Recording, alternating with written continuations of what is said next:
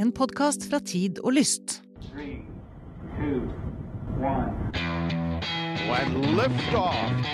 One, two, three, four, five, five, four, three, two, one. Okay, we checked all four systems, and there you go on modulation, all four, and keying with a go. Quality base here. The Eagle has landed. Riktig godt nytt år, og mm, velkommen til en eh, ny sesong. Vi sier det sånn at et år er en sesong. Og fra der vi var i 20 helvetes bedritne 2020, så kan det umulig bli noe særlig verre enn det det var, Eirik. Nei, Føler du optimismen bare strømme inn i deg idet vi har liksom snudd kalenderen over til en helt blank og ny side? Du skal få en dag i morgen som rein og ubrukt står. Det påstås at sola har snudd, selv om det er litt vanskelig å se det under alle skyene, som vanlig i Norge. Men ja, jeg tenker, altså, jeg ser fram mot lysere tider på absolutt alle måter, og tenker også at det er egentlig ganske passende. å snakke litt mer om sola igjen. Det er en stund siden vi har snakket om sola her, vår nærmeste og viktigste stjerne. Og når vi skal gjøre det, så hva er vel mer naturlig Enn å tenke Rjukan. Rjukan? Eh,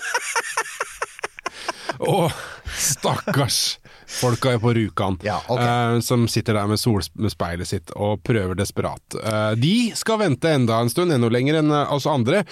Og du, kjære lytter, trenger ikke å vente lenger enn til nå. Nå kommer det sol inn i hjertet ditt i form av lyd og stemmen til en duggfrisk og bråklar for 2021 eh, Pål Brekke. Godt nytt år! Tusen takk. Blir det et eh, deilig nytt år i 2021? Det må det bli, altså. For at eh, folk sier at eh, hadde 2020 vært en fisk, så hadde du kasta den ut igjen. så det kan ikke bli noe særlig Ja, jeg har liksom sagt, sagt, mye sånn trekk i snora, har jeg sagt, men ja, helt klart. Uh, altså, dere som eh, hører på oss, og dere er jo mange, dere vet jo at Paul, Pål, han har vært her før. Uh, han har faktisk nå vært her tre ganger tidligere. Han har vært her og snakket om uh, først om solstormer, det var eh, episode 13, og så var det minnesendingen om Erik Tandberg, og så var det altså årskavalkaden vår, som jo nettopp var ganske nylig. Så, så ja, men denne gangen så skal vi snakke om uh, tilbake til det som på en måte er ja, det er din. Kjernevirk, kjernevirksomhet. Det er viktig å fokusere på kjernevirksomhet, folkens. Det har vi lært eh, i 2020, at kjernevirksomheten, der er, det er viktig å holde seg der, altså. Det er det. Og det er sola. Du er jo, vi kan jo si at du er solforsker, romforsker på Norsk Romsenter. Og eh, rett før nyttår så var du ute og blant annet hadde en artikkel ute, var det ikke det? Du skrev en artikkel? Jo, jeg skrevet en artikkel om Soho-prosjektet. Ja. Den sjokoladen som vi husker så godt. alle. ja, og det er litt sånn lugubre strøk i London, men, og du har en fin skjorte som rød skjorte, som vi også skal selvfølgelig dele i sosiale medier. Eh, der står det Soho, hvor den første O-en er byttet ut med en vakker sol. Men altså, ja. Er det noen som har tenkt, tenkt logo? Da, ja, det, er, det er en elegant logo. Um, de hadde en god dag der. Men altså, Pål, hva er Soho, og hvorfor var det verdt å skrive en artikkel om Soho? Uh, Soho står for Solar and Heliospheric Observatory. Og da kan man jo spørre seg hva, hva er heliosfæren eller heliospheric? Heliosfæren er jo den boblen av gass som ligger rundt vårt hele solsystem, hvor solen dominerer mediumet. Der hvor solvinden og solens magnetfelt liksom dominerer. Utenfor der så er det interstellare medium som dominerer. Så denne satellitten skulle da studere alt fra solens kjerne, overflate, atmosfære, men også det som kalles heliosfæren, som er den, hele den boblen. Så derfor det navnet Helios, eller heliospheric. Da. Og Helios kommer jo fra uh, greske guden Helios, og der er også helium som ble oppdaget på solen. Hva er det du sier heliosfæren, og du sier at det strekker seg liksom ut til interstellare mellom. Så det du egentlig sier er at vi på en måte driver, vi er inne i heliosfæren, er det det du sier? Vi er en del av solens utstrakte atmosfære. Og vi skal etter hvert komme tilbake til hva det at vi er inne i solens atmosfære, vi svirrer rundt i solatmosfæren, folkens, hva det, hva det, altså hva det konkret og Jeg tenker Det sier litt om hvor viktig sola er i vår, for vår eksistens. Da. Ikke bare er vi totalt avhengig av den energien den gir fra seg, men, eh, men vi er også Det er på en måte solas nabolag, da. Det er sola som er sjefen, så, Mm. og vi er en del av bakgården. eh, En liten fjert i bakgården til, til sola. Og så var det jo en ting som jeg ble minnet på da jeg leste artikkelen din, som eh, Hvor var den publisert, forresten? Aftenposten Viten. Aftenposten Viten. Sånn at da veit dere det. Eh, Det er bare å gå og søke i Aftenpostens arkiver, eller plukke fram en, en gammel fysisk utgave, så finner dere det. Og da vil dere oppdage en ting som jeg blir minnet på. Jeg visste det jo, men du blir minnet på det. det altså, du var jo ikke bare eh, forsker tilknyttet SOHO, du var jo nestleder for SOHO-prosjektet ved NASA Goddard Space Flight Center. Altså, Nils Johan, vi har faktisk en, en ekte NASA-boss her! Det er ikke ofte. Det, Eh, hvor ofte har vi noen som er eh, altså, såpass høyt på strå? Backstage-wise så har vi i hvert fall lært at det er dritvanskelig å få de i tale. Det, Altså, det er det, det, ja. Vi, vi jobber litt med den saken der. Men altså, altså du var, hvor, hvor lenge var det du var eh, nestleder? Jeg var jo nestleder i seks år. Før det så var jeg også kan du si, ansvaret for å styre et av instrumentene på SO, som en del av Universitetet i Oslos bidrag. Men denne artikkelen handlet jo i utgangspunktet om at SO har vært oppe i 25 år. Og det er det som er så fantastisk, at denne satellitten som da var eh, bygd for å, og finansiert først for to år, den var bygget for å klare minst seks år, fremdeles svirrer der oppe og gjør viktig eh, forskning. Ja, altså, og det er, vi vet jo det at altså, Vi har vel etter hvert lært blant annet av sånn, noen sånn diverse Mars-rovere at når NASA sier ah, vi har tenkt å kjøre tre måneder, så viser det seg at det, det lever ofte mye lengre. Og man legger jo på en måte inn kanskje litt slack for at det skal klare seg lengre. Men i dette tilfellet så, så var det jo virkelig sånn at det holdt på å gå galt ganske fort. Altså For eksempel, og det skriver du jo om i denne artikkelen din, eh, eh, man mistet kontakten med Soho i fire måneder i 1988. Hva var det, en redningsaksjon, hva var det som skjedde der? Det som skjedde var at eh, So var laget slik at den, eh, hvis den skulle da drive vekk fra sola, altså ikke, plutselig ikke peke på sola av en eller annen grunn, så vil den skru seg selv av, og så vil den bruke rakettmotorene for å dra seg tilbake mot solen, så den alltid var stabil. Og så skulle man da bruke noen dager på å, å, å finne feil, og starte den opp igjen, slik at den begynte å observere. Og det hadde skjedd en del ganger tidligere. Men da i juni 1998 så eh, så skjedde det samme igjen, at den eh, gikk inn i en sånn modus. Men det som skjedde da, var at eh, blanding av menneskelig svikt og programmeringsfeil, så, så trodde de at alle gyroene fremdeles var på. Og så gjorde de da en manøver, og så gikk den da i spinn, kan du si. Og så mista de kontakten med den og antenna ikke pekte riktig retning. Og så visste de da heller ikke om eh, Det siste signalet var at en av rakettmotorene fremdeles sto på da når de mista kontakten, og da kunne den jo ha bare spunnet ut i rommet, kan du si. Og så var det da selvfølgelig den der eh, kampen da, for å få kontakt med satellitten igjen. Og det var jo akkurat samtidig med at jeg hadde fått den jobben som lederjobb. om Nelson, du kommer rett til en krise! Ja, nei, for at eh, den eh, kontrakten min med ESA Jeg hadde jo vunnet da, liksom der, eh, intervjurunden og sånt, nå, men eh, direktøren hadde akkurat fått min kontrakt på pulten, og samme dagen mista de SO, så han skrev ikke under kontrakten, selvfølgelig. Så jeg gikk jo noen måneder da i uvissheten og hadde, liksom, vi hadde leid ut huset vårt og sagt opp jobber og alt mulig sånt. Ja, for dere bodde i USA, ikke sant? Nei, vi bodde i Norge da, så Du skulle flytte til USA? vi skulle flytte til USA, Ja, ja, Så det var en spennende tid. Ja, ja. Mm. Men det som skjedde da, at man, man pinga og holdt på å sende kommandoer til SO. Jeg slå deg på, slå deg på, slå deg på. Ingenting fungerte. Og så var spørsmålet Det var ikke sikkert den var der de sendte signaler. Og det var da en, en, en forsker da, som var tilknyttet Arecibo, antennen, den svære greia som da raste sammen nå nylig. RIP. Ja. Og ja, det, Den brukte de da, fant ut at det, kanskje vi kan sende kraftige radarsignaler ut til, eh, mot Soho. og lytte med en av de andre store antennene i eh, Australia for å se om vi fikk eh, reflekterte signaler. Ganske så visst så var altså satellitten fremdeles der den skulle være, men den roterte da ca. én gang i minuttet rundt, men med siden mot sola. Dette, er, dette er høydramatikk i, i verdensrommet, altså. Og her, kanskje vi legger til en liten ting her, og det er sånn Kanskje det nå sitter en lytter her, eller to eller tre, som sier ja, men vent litt, i 1998 da hadde vi romferja, og vi vet jo at romferja den kunne fly opp og faktisk reparere ting, for det gjorde den mange ganger med romteleskopet. Hvorfor, hvorfor kunne ikke romferja gjøre det, Pål? Altså, Nei, ja, Vi glemte kanskje å si det, men SO går ikke i bane rundt jorda. Den ligger i det vi kaller Lagrange-punkt nummer én. Og det er noen eh, Rundt jorda og solen så er det en, rekke sånne kunstige tyngdepunktområder, som hvor gravitasjonskreftene fra sola og jorda eh, balanserer hverandre. Og dette punktet ligger da mellom jorda og sola. Ca. 1% av avstanden, altså 1,5 millioner kilometer mot sola. Og der kan Man da, man ligger ikke i punktet, men man går i en stor bane rundt der. og Der, der kan man ikke dra ut og hente ting eller reparere ting. Da. Så der Fordi det man, er for langt, for langt Det- ut, det- det er eller fordi det er for varmt der? For langt unna. For langt unna. Ja, okay. ja, ja, ja. Altså Det lengste vi har vært ute var jo med Apollo. Romferja kom aldri lenger opp enn sånn 500-600 km, vel. Men, men altså, Apollo dro jo vel 350 000 km ut i måneden. Så, men selv ikke de hadde kunnet gjøre det. Ellers kan vi nevne altså Faste lyttere vet jo at vi har Lagrange har dere kanskje hørt en gang før. Det var vi snakket om eh, James Webb-teleskopet, som skal ligge i det motsatte Lagrange-punktet. ikke sant? Skyggen av jorda, Ikke liksom. sant? Liksom på den andre siden, eh, 1,5 millioner kilometer den andre veien, og blir like ureparerbart, i hvert fall per nå.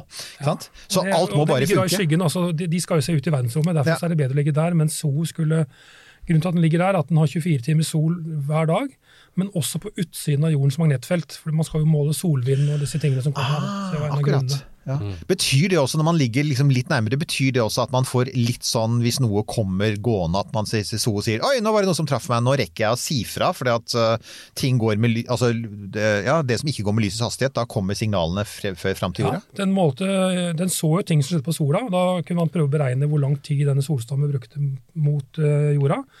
Men det var først når den passerte SO at man fikk en ordentlig vindhastighetsmåling, og kunne si nøyaktig da når den ville treffe, og kanskje hvor kraftig den ville treffe jordas magnetfelt ca. en time etterpå. Så det er én times oppstrøms da, Ja. eh, fra solvinden. Wow. Men altså, jeg tenker, uh, altså, du sier vindhastighet, vi snakker ikke sånn sekundmeter her, ikke sant? Vi snakker om litt raskere vind. Det er jo, Solvinden varierer mellom 400 og 800 km per sekund.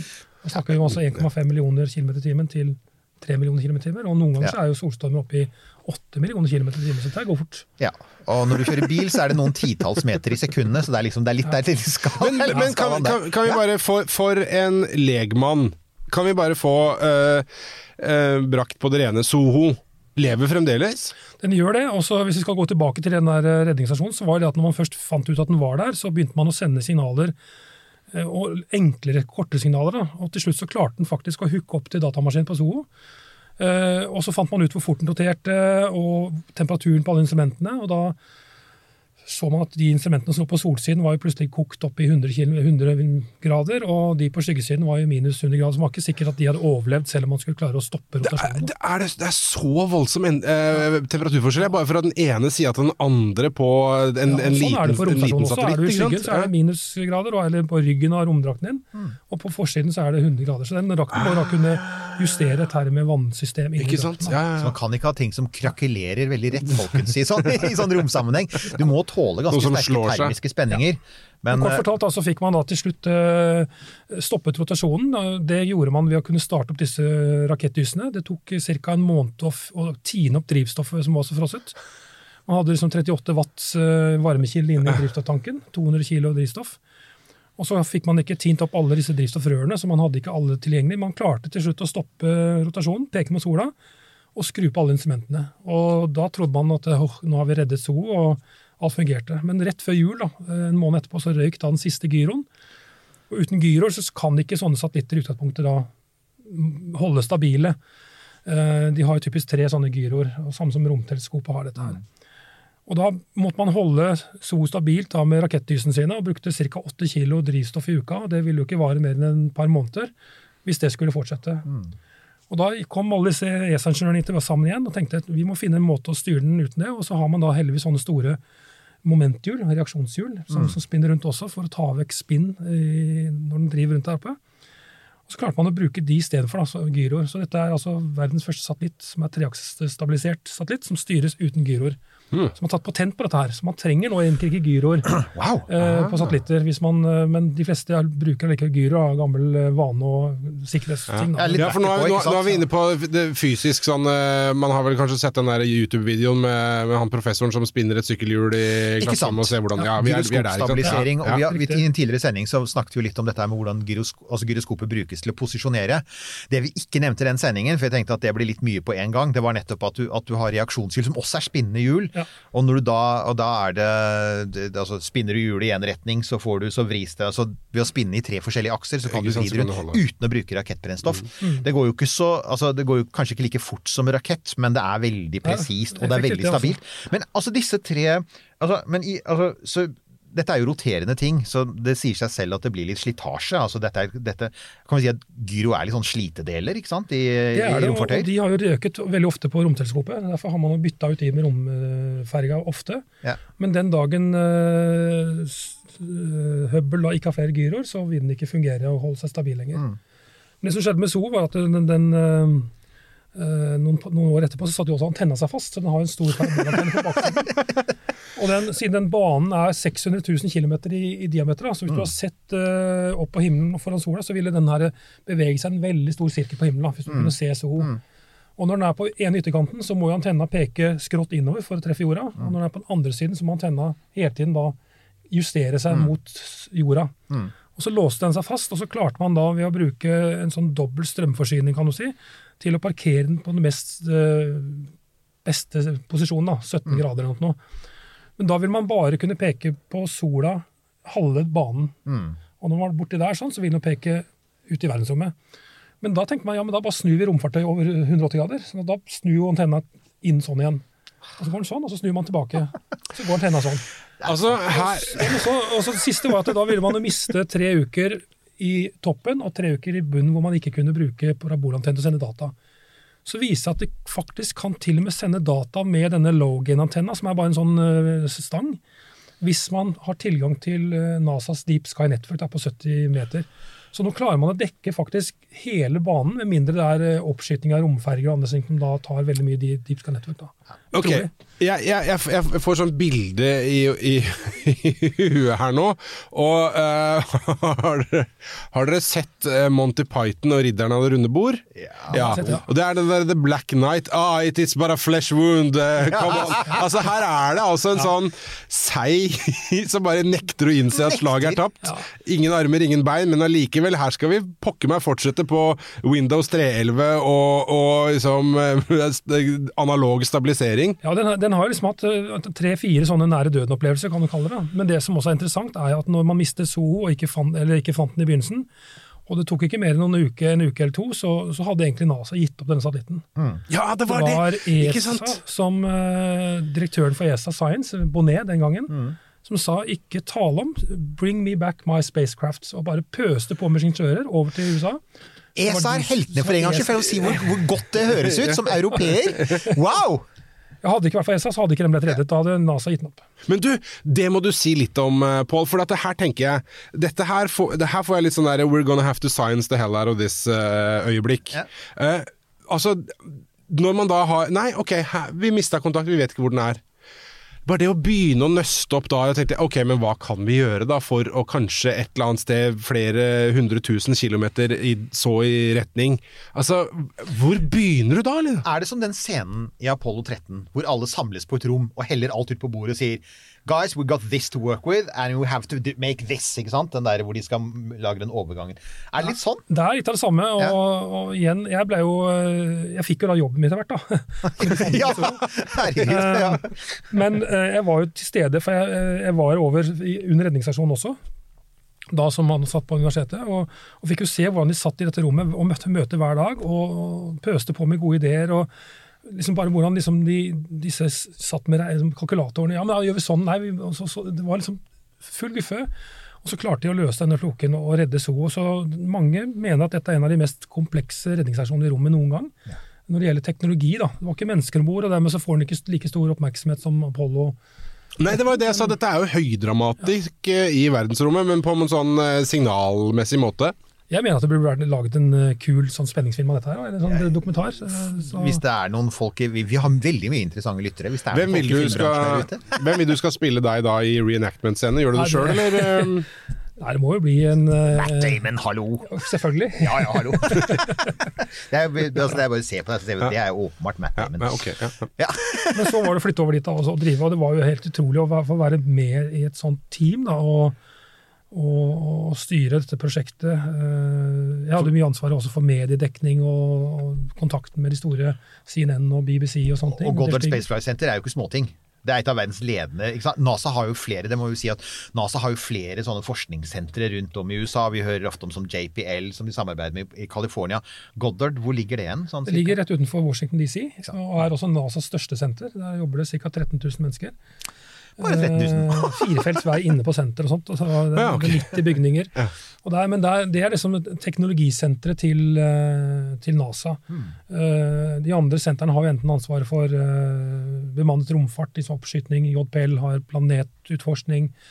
Mens Goddard er liksom teknologisenter hvor de både bygger satellitter og te, ikke minst testesatellitter som bygges andre steder, før de skal opp i rommet, og styrer mange satellitter.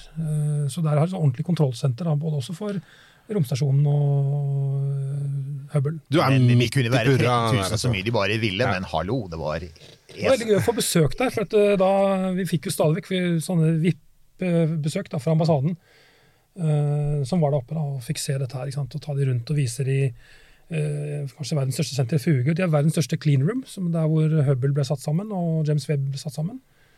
Uh, det er så stort som en ja, Det er enormt, altså. Det, er, det, det var veldig gøy å være der. for Ja. å si det sånn. Der trente oss astronautene av og til på å dytte ting ut og inn av Hubble da, for, før de skulle opp i rommet. Ja, sånn i, i bassenget der og sånn? Nei, det var ikke basseng, det var bare i, i et rom. og Da var det selvfølgelig dette hengt opp i tråder, men de måtte dytte dette inn i De hadde engineering-modellen av, eh, av de to nederste seksjonene av Hubble.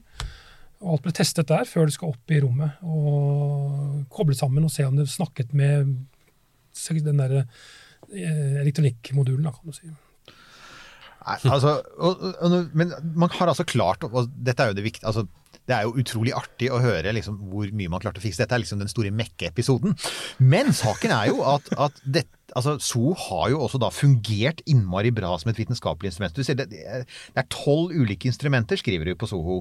Og, og så, Du sier også at den har gjort mange viktige oppdagelser. Fortell litt, hva er det altså, i, i løpet av disse 25 årene, hva er det SOHO har, har levert da, Ja. som, er så, som, som er såpass viktig? Kanskje det mer sånn generelle er jo at uh, den har instrumenter som ser både inn i sola, inn i kjernen. Kan, vi kan komme tilbake til hvordan den gjør det. men uh, Og så ser den overflaten. Solflekker, magnetfelt. Og så ser den solens atmosfære. Og så ser den på solvinden og heliosfæren. Men kanskje det største opp, kan du si, øh, overraskelsen var vel kanskje hvor dynamisk solen var. At ting forandret seg mye raskere enn man trodde før. Eh, For bakken så kan man jo bare se den synlige overflaten eh, med synlys, men man har jo hatt noen få eksempler fra Skylab, svære romlaboratorier på 70-tallet, og rakettoppskytninger hvor man får syv minutter med observasjoner av solen. Men det er først når man fikk 24 timer i døgnet hyppige oppdateringer, at man så at eh, ting skjedde ned til sekunders altså Utrolig dynamisk sol.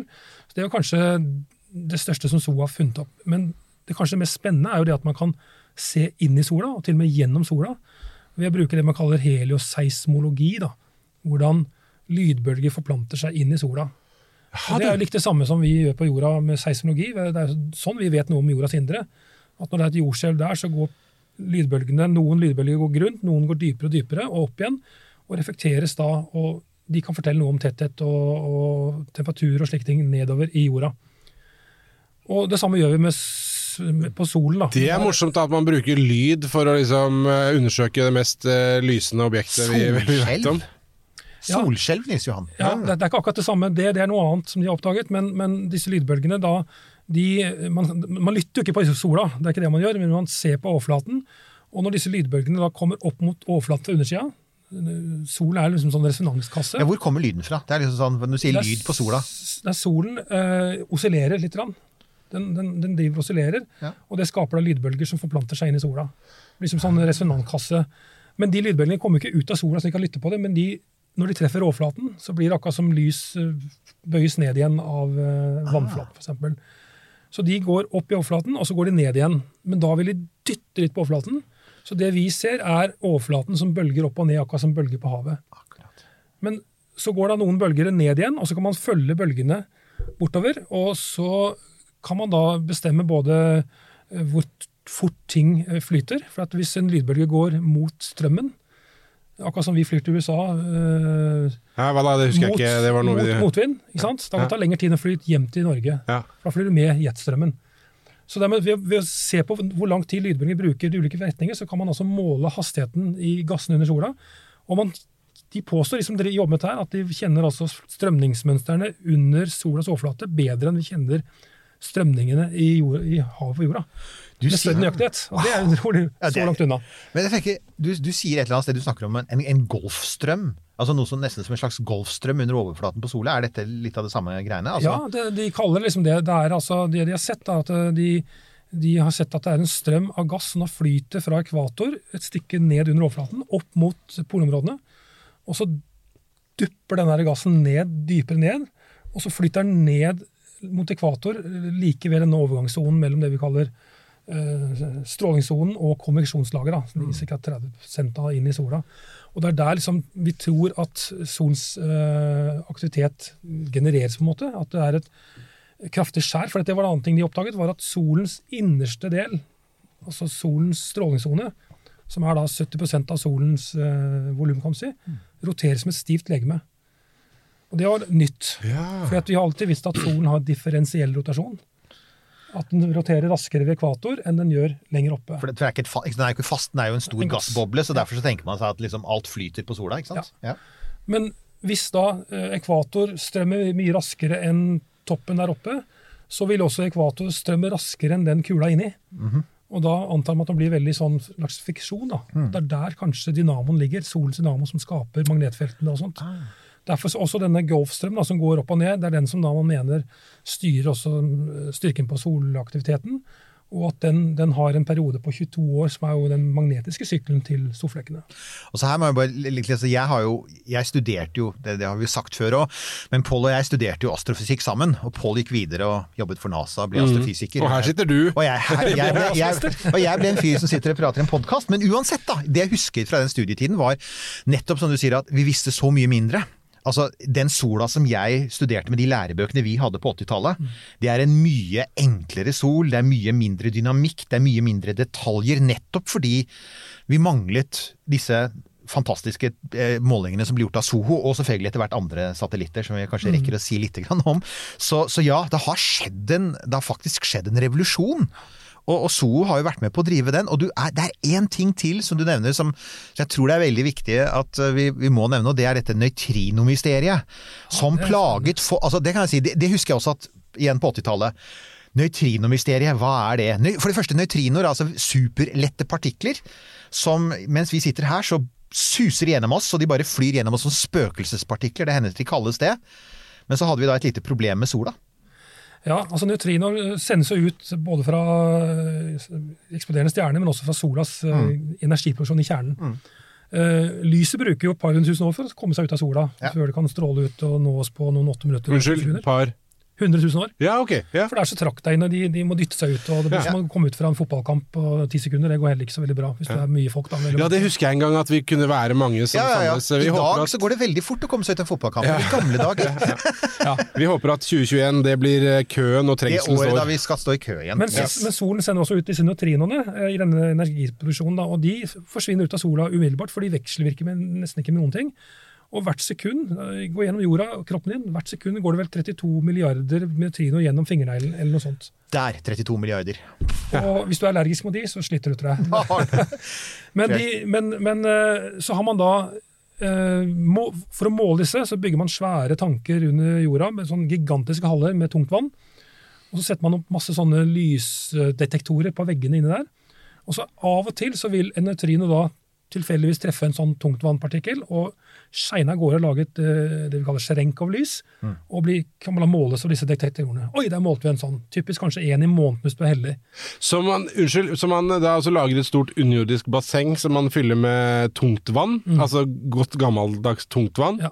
Og håper på at det treffer noe snart. ja. Det er et ja. teleskop, er ikke det kult? Skjønner du nå? Altså, jeg bare sier, hver, hver gang vi kommer til disse tingene, folkens, skjønner dere hvorfor vi er opptatt av dette her? Eller, altså, du har nevnt Arecibo, den kjempeskålen ute i jungelen på Puerto Rico, og her er det en kjempetank med tungtvann under Ja, bakken. det er et par sånne rundt omkring i verden. Og de, men det, er jo, det må jo være litt kjedelig å ta en doktorrapport her og sitte og vente en måned hver gang du får et lite punkt. Jeg tror det er mer spennende å reparere Soho, for å si det sånn. men poenget er at man har bare målt en tredjedel av de nøytrinene som skulle komme fra sola. Ja.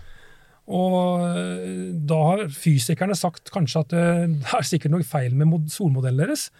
Eh, At, at lærebøkene er feil. At det er ikke 15 millioner grader i midten. Men der hadde faktisk våre gamle lærebøker riktig. For at So klarte å bestemme at so, jo, temperaturen i kjernen på sola er faktisk 15 millioner grader. Kom det bare en tredjedel neutrino, så kunne en kanskje tenke at den bare var 12 millioner, millioner eller lavere. da. Og da kunne So bevise at det var så varmt, og spilte ballen tilbake til fysikeren. Da måtte de forklare at de bare observerte en tredjedel. Og det, det som skjedde, var at man oppdaget at de nøytrinoene mest sannsynlig bytter identitet da på veien. Du, og vi klarer bare å måle én av disse typene. Eh, og dette endte opp med en nobelpris eh, i 2015, var det vel.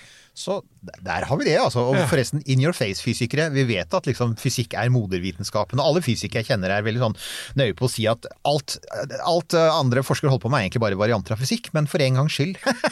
Men man har da altså ikke klart å finne ut av de to andre da, altså de to andre tredjedelene av disse uh, The Lost Neutrinos. Nei, uh, så de har man ikke målt ennå, på samme måten som man måler de si, vanlige nøytrinene. Men nå er ikke jeg noen nøytrinoekspert, så jeg skal ikke begynne å Nei da.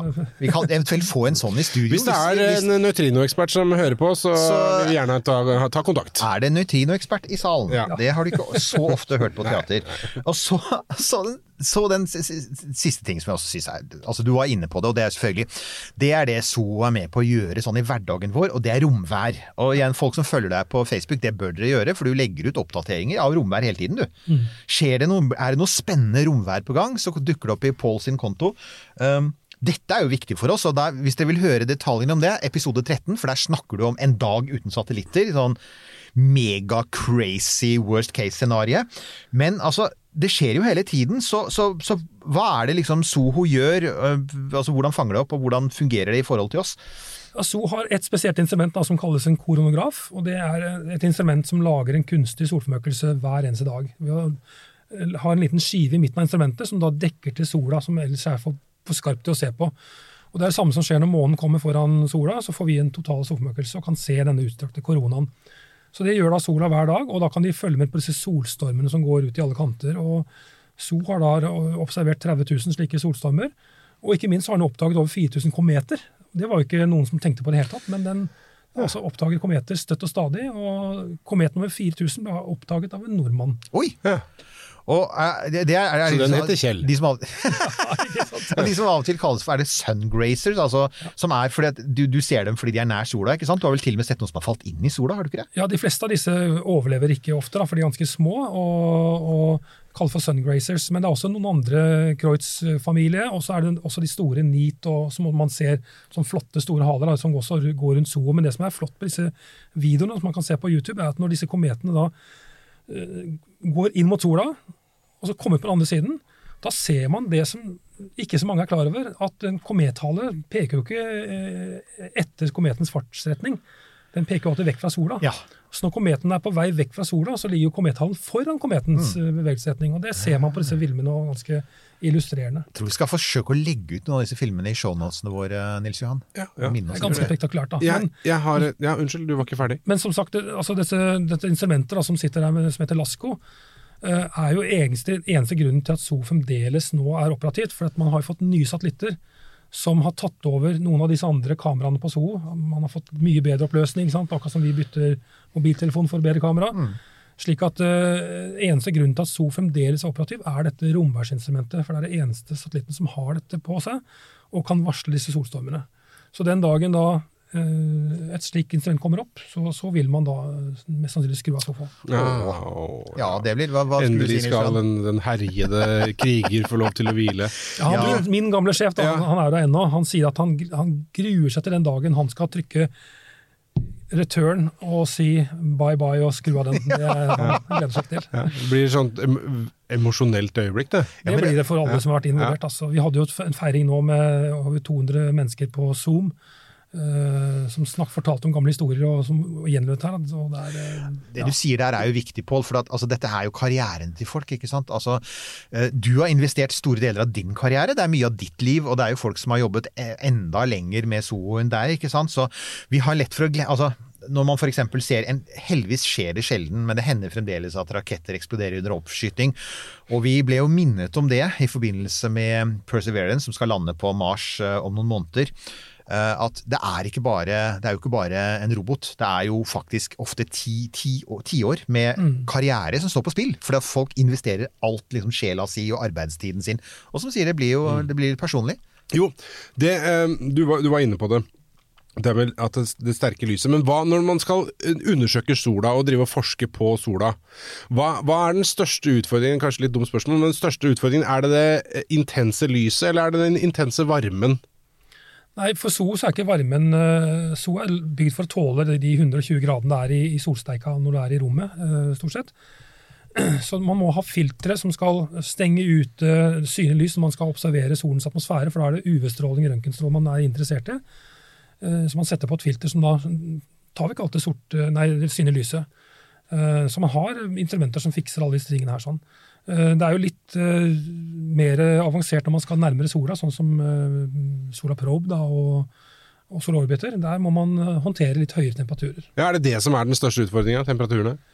Ja, Man skal så nærme som Solar Probe, da, som vi også kanskje kan si litt om. Den går jo den subber jo egentlig inne i solens atmosfære. Det er 14 millioner kilometer eller noe sånt fra solen. Og, og det er interessant. da, den, Solens atmosfære, eller korona, har jo en temperatur på 2 millioner grader, som, som vi heller ikke skjønner hvorfor det er så høy. Eh, men den har et varmeskjold som bare er, eh, tåler 15 grader. Det høres litt rart ut.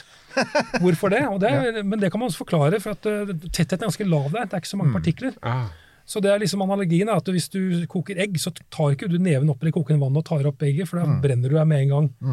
Men du kan ha 250 grader inn i ovnen og stikke hånda inn og hente ut et rundstykke. ut igjen. Ikke sant? Ja, ja, ja. Og det er, for at lufta er, det er så få luftpartikler at det tar lang tid. Varmeledningsevnen er dårlig, kan du si. da. Ja. Så det er litt av det samme at den, selv om det er to millioner grader her, så effektiv temperatur blir ikke mer enn 15 grader. Ikke sant? Det er liksom, sånn som du også sier om badstue. Du kan sitte i en badstue på 100 grader, men prøve å hoppe i vann med 100 grader. Ja, altså. ja, ja. Men, men det, er, det er jo interessant å si, for at det, vi kan godt si litt mer om det. fordi at altså, Hvis vi tenker altså Zoo skal jo på et eller annet trist, men den skal skrus av. Men som du også er inne på i artikkelen din, da, eh, en, en viktig effekt av Zoo var at den viste hvor bra det er å ha bro, altså gode solsonder. Så det i sin tur har ført til at de seinere åra så har vi fått utrolig mange kule. Og jeg bare, altså, jeg skal legge ut en liste over noen av dem, men det er sånn Ulysses, Stereo A og B, Parker Solar Probe nevner du jo. Og det, altså, der var jo, du var vel også i, altså, var du til stede under oppskytingen? Jeg var til stede i en opprustning på Sola Orbiter nå i februar, så det var jo en høydepunkt for meg i år. Da. Og du altså fysisk ikke på Zoom? Nei, var vi, det var rett før koronaen, så det var i februar. Sett, du har sett noen rakettoppskytinger, har du ikke det? Jo, jeg har sett ganske mange. Jeg har sett eh, to Det er romferger. eh, tre fra Koro, og nå Å, Sola himmel. Orbiter da, fra, fra Kenner igjen. Da. Det er litt sånn der I'm not worthy. Romferjeoppskytinger, det er litt, vi veit jo at det, det var absolutt ikke alle som fikk sett det. Det Men var, eh, det var mektig, og den lyden ja, alle og- sier det, at romferja var noe eget. Av Det veldig, altså. For å si det sånn. Du kjente trykket og Ja, det var fantastisk. Og den ene oppskytingen, husker jeg, det var en sånn um, tidlig morgen, da, klokken fire-fem om morgenen. og- Det var så vidt blitt lyst i horisonten. Uh, og det var service mission nummer fire, tror jeg, til Hubble. Tre eller fire, husker ikke helt. Men det som var spes veldig spesielt, da syns jeg, når uh, i det liksom det var uh, 15-20 sekunder igjen til oppskytingen, så sier uh, han spikeren, da, vi var på den der VIP-tribunen ganske nærme, og hvis dere ser opp nå, så ser dere Hubble gli over himmelen, og så så vi Hubble som en liten prikk. Oi! Og når Hubble var i horisonten da, så, så raste romferja etter for å ta den igjen. Da. Det var liksom, det var, oh, det er nice! Og nerdgasm for rom, ro- romnerder. Å, det var så utrolig deilig. Å, fy fankeren. Men igjen, altså, du var jo um, ta Solar Orbiter, som jo er et ESA-prosjekt, da.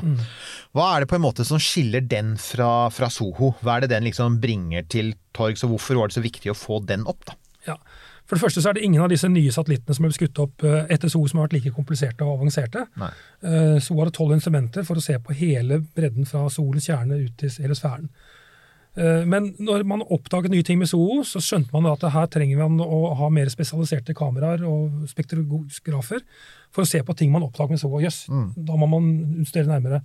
Da ble det bygd flere mer sånne mindre spesialsydde satellitter, kan du si. og nevnte Stereo som har gått rundt sola. De er jo faktisk tilbake igjen nå. har gått rundt sola, og er- De er vel rundt eh, L2 og L3, tror jeg.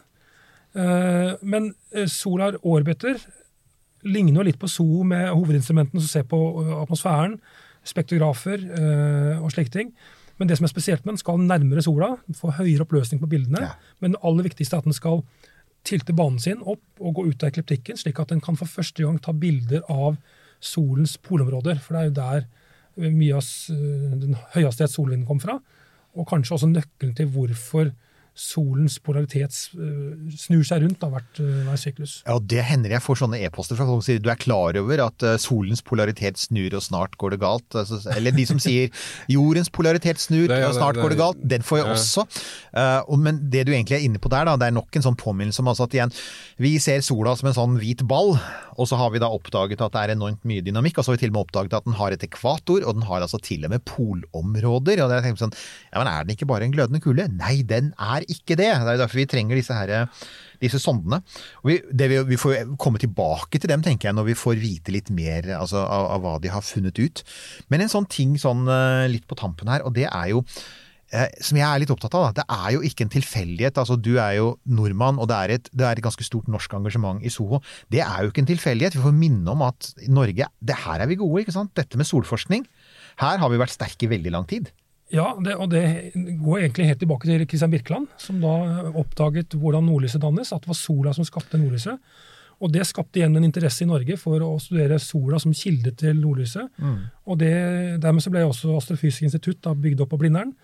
Eh, og det var en sterk da, eh, kan du si, gruppe der som både jobbet internasjonalt, og både med solobservatorer på Harestua, men også da med de store teleskopene rundt omkring i verden. Og i verdensrommet. Ja, og så begynte da, så var det min gamle veileder, som, som var den som egentlig dro oss inn i rombasert solfysikk. Han dro til USA og jobbet på US Naval Research Laboratory i Washington DC, som da hadde ansvaret for eh, et av instrumentene på Skylab. Skylab var jo et, en romstasjon som var bemannet noen år på 70-tallet, men som også hadde en svær plattform med fire-fem sånne svære solteleskoper. Eh, Apollo Telescope Mount heter det. Og, så han begynte da å analysere disse, disse dataene her, og så ble vi da, av han, selv om han kom tilbake til Norge eh, på slutten av 70-tallet, så hadde han kontakten igjen, og vi ble med på disse rakettoppskytningene som, som NRL fremdeles drev med, med spektrografer. Og den analysen der, og vi var de første i Norge til å begynne å digitalisere ting ordentlig, og, og bruke digital bildeanalyser for slike data. Og det var det som gjorde at vi ble så veldig flinke til å analysere slike data, og dermed ble vi invitert med på instrumentene på SOHO. Og det at vi hadde jobbet i mange år før SOHO med å analysere slike data, og fikk vi jobben med å lage softwaren for dette instrumentet. Så da kjente vi instrumentet bedre enn noen andre. Og når da første dataene kom ned, så satt jo de fleste andre forskerne og klødde seg i huet og skjønte ikke helt hvordan de skulle håndtere disse dataene. og slike ting. Mens vi kunne starte å analysere og publisere. Så i den boka med 'First Result from Soho' så er det ingen andre land som har flere forfattere på disse paperne enn Norge. Ja. Det er litt interessant. Ja, Det er interessant. Og jeg, jeg, jeg husker jo i sin tid så var det sånn at man tenkte jo, men alt det kule er jo da liksom sånn uh, galakser og, og svarte hull og en del sånne ting. Um, og så skjønte man etter hvert også at det ble et veldig betydelig romengasjement i det, og så plutselig så ble det jo også mye mer sexy å jobbe med, for å si det sånn. For det var jo også, det var jo også et eh, involvering med, med romferja. Romferja ble jo også brukt som en solplattform i sin tid. Ja, det var det rakettinstrumentet som vi var med på. Jeg tok jo doktorgraden min på en av rakettferdene fra, fra NRL. Eh, Men det samme instrumentet ble plassert da som en del av Spacelab 2 på Challenger. Det var den siste vellykkede ferden den hadde før episoden. Og jeg kjente jo selv to av astronautene. Det var to solfysikere med om bord som styrte teleskopet. Eh, Og de dataene ble også noe av det beste spektroskopiske data som er tatt noen gang. Da. Så jeg hadde to uker med solobservasjoner fra romferja. Det er en liten påminnelse om hvor viktig det er med folk. Johan. Ja, og så er det Så får jeg vel sånn der Her er det Altså, jeg var jo ikke Beklager, men det var jeg liksom ikke klar over. at Vi er, vi er Via eh, Pål her nå, så kommer vi veldig mye tettere liksom eh, i den interne purra av eh, verdensromsutforskninga. Så det er eh, Vi- vi gjør det. utrolig kult. Kan jeg få lov til Ja. å komme med en liten annen greie? For jeg, jeg satt og kikka litt ned i, eh, i um, dataen her. Fordi innledningsvis så sa jo jeg at la oss nå, la oss nå tenke på folka på Rjukan. Og det som er morsomt da, er jo at nå har vi jo gått full circle og er tilbake på Rjukan på en måte. Fordi, altså, som Pål nå sier, dette var jo ikke jeg klar over. Birkeland. Ja, nettopp! Og Bir Christian Birkeland, Ja. som var med å starte Norsk Hydro, Ja, og som ja. bygde ut Rjukanfossen. Så her er altså nøkkelen til at Norge er så gode på solforskning, og at Pål Brekke sitter her som den solguden han er, er jo Rjukan! Og det derre lille, dumme solspeilet de har, og hungeren etter sol på Rjukan. Jeg- Det er jeg- morsomt. Ja, er. Og Rjukan er for øvrig vel verdt å besøke. Jeg var der for noen, eh, noen år siden, og det var utrolig kult. Så Da kan man også, kan man også gå sabotørstien opp i fjellet og prøve å gå den samme veien ned som disse folka fløy opp etter at de hadde Men altså, eh, for å liksom sånn eh, runde av litt her, for da har vi jo fått en fin gjennomgang av Soos, tenker jeg. eh, altså din drømmesolsonde, altså vi har jo noen på gang nå, men hvis du liksom kunne tenke deg et eller annet på sola som du gjerne ville utforske, og som, altså, og som du ville ha en sonde til å gjøre, hvordan ville den se ut, liksom? Ja, Det kommer kanskje en sonde som, som kommer til å gjøre det jeg ønsker meg. da. Okay. Ja, det, er jo eh, to uh, sonder. da. Først har det der Solar eh, Orbiter da, og Ja. Parker Solar Probe. Mm. Parker Solar Probe har ikke noe kamera som ser på sola. Den, er for nærme, så den ser bare sidelengs. Mm. Men den skal jobbe sammen med Solar Orbiter. Eh, og Så kommer japaneren nå med en ny satellitt eh, om noen år, eh, som heter Solar C. Den får da et nytt navn. Solar B er vi allerede med på. Det er den vi tar ned data fra Svalbard. Mm. heter Hinode i dag. og datasenteret ligger i Oslo. Så alle verdens forskere henter ja. dataene sine fra Hallo, Oslo. altså. Det er vi gode på. Vi ser, og det som er smart, er at vi setter oss i den spisse enden, der hvor dataene kommer ned. Mm. Det blir som å sitte med honningkroppen rundt seg. Vi, har all honningen, og så kommer alle andre forskerne og dypper fingeren der og, og smaker litt, men vi har alt. Eh, men så kommer det da Mm. Det hørtes vidunderlig lite smittevern ut. Bare fortsett der du, Pål. det er sant. Men og så kommer det da en, eh, en eh, amerikansk Den er ikke valgt ut ennå, men eh, en oppfølger Iris, som også er et eh, mission vi er med på. og Dataene tas ned på Svalbard igjen, og dataene ligger i Oslo. Eh, Der var vi med å, og, og designer designe hvordan det skal fungere. Og det som er også morsomt, er at min hovedfagsoppgave ble brukt til å designe det instrumentet. og det er lenge siden jeg tok den oppgaven. Og så har vi full circle igjen! Ja. Og så, så den, den, Hvis den blir valgt, så skal vi også være med på den da, og, og ta ned data og slike ting. Men den har da ultrahøy oppløsning når det gjelder spektralt. For dette er jo det vanligvis når du har et sånt spektroskop, så må du ta det tid å, å, å flytte seg over det området. ikke sant? Og mens du har flytta deg over et område og skanner det, så skal du tilbake og begynne å skanne igjen. Da har jo ting forandra seg mye fortere enn man trodde før. Men den skal da kunne liksom fange opp dette her på nett til sekunder. da. Og så er det et nytt mission som ble valgt ut, og den heter Punch. Og nå må jeg lese her at den heter altså Polarimeter to unify the corona and the helisphere. Det er fire satellitter som går rundt jorda i sånn formasjon, og den skal da se både på uh, mer, og kunne ta bilde av solvinden på en eller annen måte. For første Se med coronal mass ejection, er det det der? Ja, disse Ja. solstormene, kan du si. Det er solstormer, ja. Så dette blir også en, en veldig spennende mission da, som en, en av mine gamle kollegaer nå er ansvarlig for. Da. Så det, Så det er rett og slett fullt trøkk i solforskningen framover, så her, er det, her blir det mer stoff, Nils Johan. Jeg kjenner det på meg. Åpenbart. Ja, åpenbart. Men da tenker jeg altså tusen takk, Pål, for at vi har altså, faktisk hatt beæret med en ordentlig romforsker i studio. Det er- det, det det skjer ikke alltid i romkapsel, så det er desto morsommere når det skjer. Eh, og så, altså på denne årets første sending, så får vi minne om altså, at vi som vanlig så eh, legger vi ut eh, Vi skal legge ut shownotes på romkapsel.no. Det gjør vi også i 2021. Vi, vi kommer til å fortsette med det. Det, til og med 2021. Mm, ja, Vet ja. du hva, 2020 har vært så tungt at jeg faktisk har altså, Det henger med meg. Jeg håper det går over snart. Kan vi si det? Hangover 2021, eh, 2020 hangover. Men altså. Er fullt- er fullt på. eh, og så er vi selvfølgelig på Facebook, vi er på Instagram, vi er på Twitter. Spørsmål, kommentarer hvis det er noe dere lurer på i forhold til Pål. Pål dukker for øvrig også av og til opp i kommentarfeltene våre. bare så det er sagt, sånn at Hvis dere har noen spørsmål under vår posting om det, så er det meget mulig at dere får eh, høre fra mannen selv. Og så vet vi jo nå at han har sjukt gode kontakter innad i, eh, i eh, miljøet her, så her er det mulig å dra i tråder. Eh, så vi finner ut Ja, Nå, er lov- advart, Pål. Nå sitter vi jo her og lover ting på vegne av Pål, men, men det, såpass frihet tar vi oss til å, å gjøre det. Og så til slutt, takk til alle dere som kjøper T-skjorter og kopper og sender oss ting på Vips. Bare fortsett å gjøre det i det nye året som er 2021. Og, Bli, og vet du hva? Vi kan, skal vi love her og nå, på årets første sending, eh, Eirik, at uh, så fort det lar seg gjøre, så skal vi pokker meg se til å ha noe live-greier. Ja, La oss bare si det med en eneste It's gang. gonna happen. Det, det skulle ha skjedd i fjor, og så kom eh, 12. mars.